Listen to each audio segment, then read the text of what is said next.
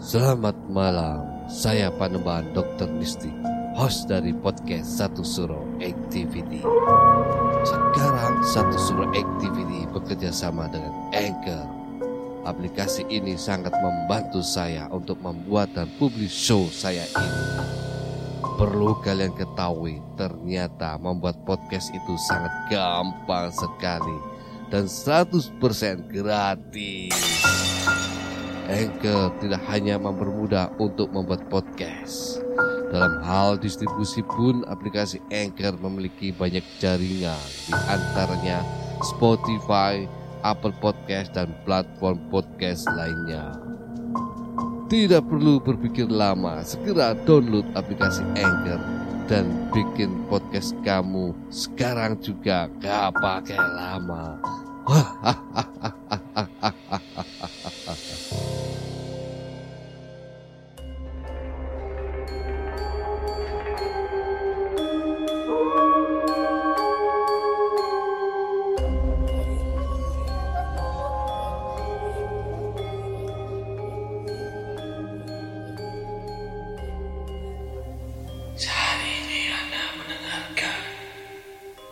podcast satu surah bersama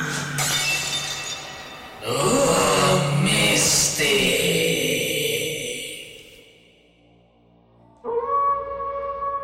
Assalamualaikum warahmatullahi wabarakatuh. Rahayu, rahayu, rahayu.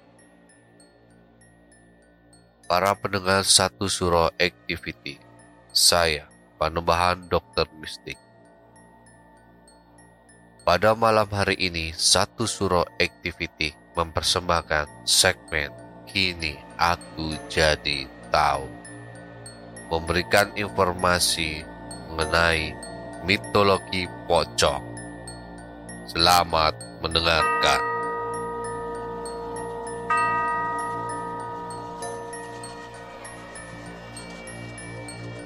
Pocong adalah sejenis hantu yang berwujud manusia yang terbungkus kain kafan. Pocong merupakan hantu yang konon merupakan arwah orang mati yang terperangkap dalam kafan mereka. Menurut mitos yang beredar, jiwa orang yang sudah meninggal akan tinggal di bumi selama 40 hari setelah kematian.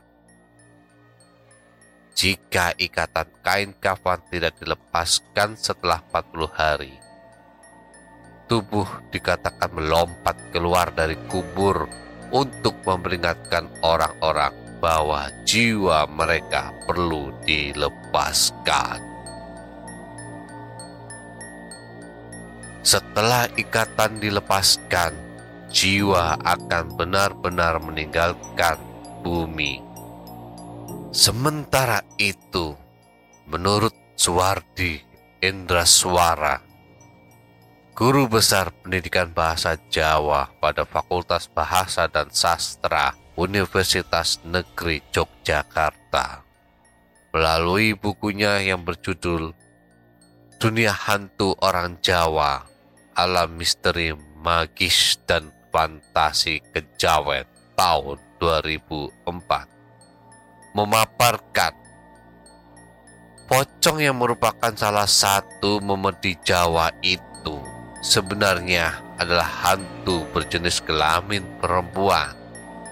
Tentu ini menjadi penjelasan baru yang belum diketahui semua orang. Khususnya orang Indonesia. Maklum saja, pocong dalam film-film Indonesia cenderung digambarkan laki-laki. Mitologi Jawa menganggap pocong salah satu memedi Jawa berasal dari wanita yang tewas secara tidak wajar. Kematiannya yang tak wajar itu akibat tindak kriminal. Seperti halnya wanita korban penganiayaan, wanita meninggal saat menggugurkan kandungannya, wanita tewas akibat menggantung diri, dan sejenisnya. Melompatnya si jenazah keluar kuburannya itu masih menurut sumber yang sama adalah untuk mencari manusia hidup yang dapat melepaskan tali pengikat kain kafannya tersebut. Oleh karena itu, mitos penampakan pocong cenderung di area kuburan. Kecenderungan pocong berada di area kuburan itu pun selaras dengan penjelasan Suwardi Endra Suara dalam bukunya tersebut. Pocong biasanya memang berkeliaran di kuburan dan menampakkan diri dengan melompat atau berjalan hingga membuat orang yang melihatnya ketakutan.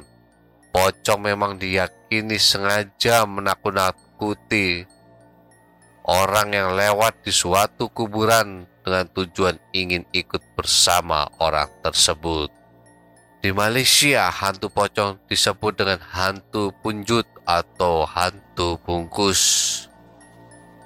Disebut hantu bungkus karena perwujudan pocong yang digambarkan lengkap dengan kain kafan.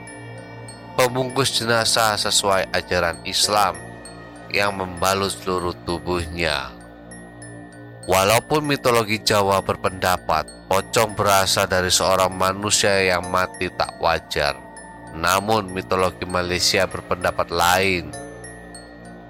Sebagaimana dipaparkan dalam Wikipedia, hantu bungkus kemungkinan adalah jelmaan jin yang mengganggu manusia. Seseorang yang memiliki semangat hidup kecil adalah karakter manusia yang diyakini kerap diganggu. Wujud pocong memiliki wajah gosong dengan mata merah menyala. Versi lain menyatakan pocong berwajah rata dan memiliki lubang mata berongga atau tertutup kapas dengan wajah putih pucat. Mereka yang percaya akan adanya hantu ini beranggapan pocong merupakan bentuk protes dari si mati yang terlupa dibuka ikatan kain kafannya sebelum kuburnya ditutup.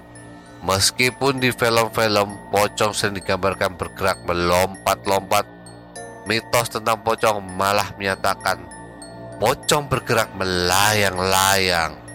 Hal ini bisa dimaklumi sebab di film-film pemeran pocong tidak bisa menggerakkan kakinya. Sehingga berjalannya harus melompat-lompat. Keadaan ini pula yang menimbulkan suatu pernyataan yang biasa dipakai untuk membedakan pocong asli dan pocong palsu di masyarakat.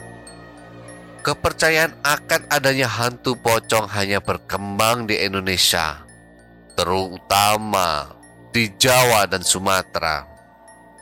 Walaupun penggambarannya mengikuti tradisi Muslim, umat beragama lain pun ternyata dapat mengakui eksistensi hantu ini. Di berbagai daerah di Indonesia sendiri, ada beberapa versi pocong yang terbentuk dari kepercayaan-kepercayaan dalam kehidupan sosial masyarakat. Salah satunya adalah pocong plastik yang konon pernah menggegerkan warga Jakarta. Cerita tentang pocong plastik ini muncul dari kisah seorang wanita hamil yang dibunuh pacarnya.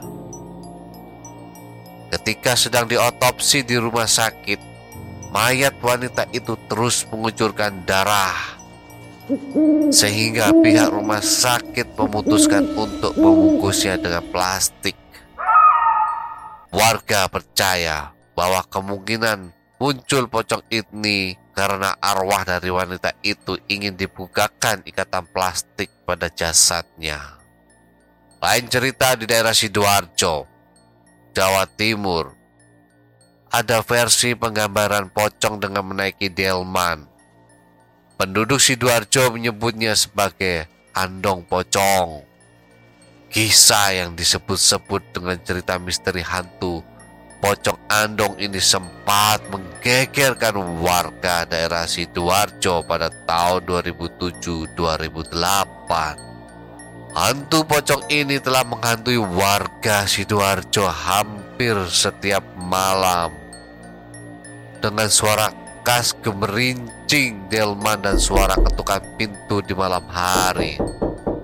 Menurut warga setempat, asal usul hantu pocong ini adalah karena kematian dua pengantin baru yang tidak direstui dan mengalami kecelakaan saat menaiki delman.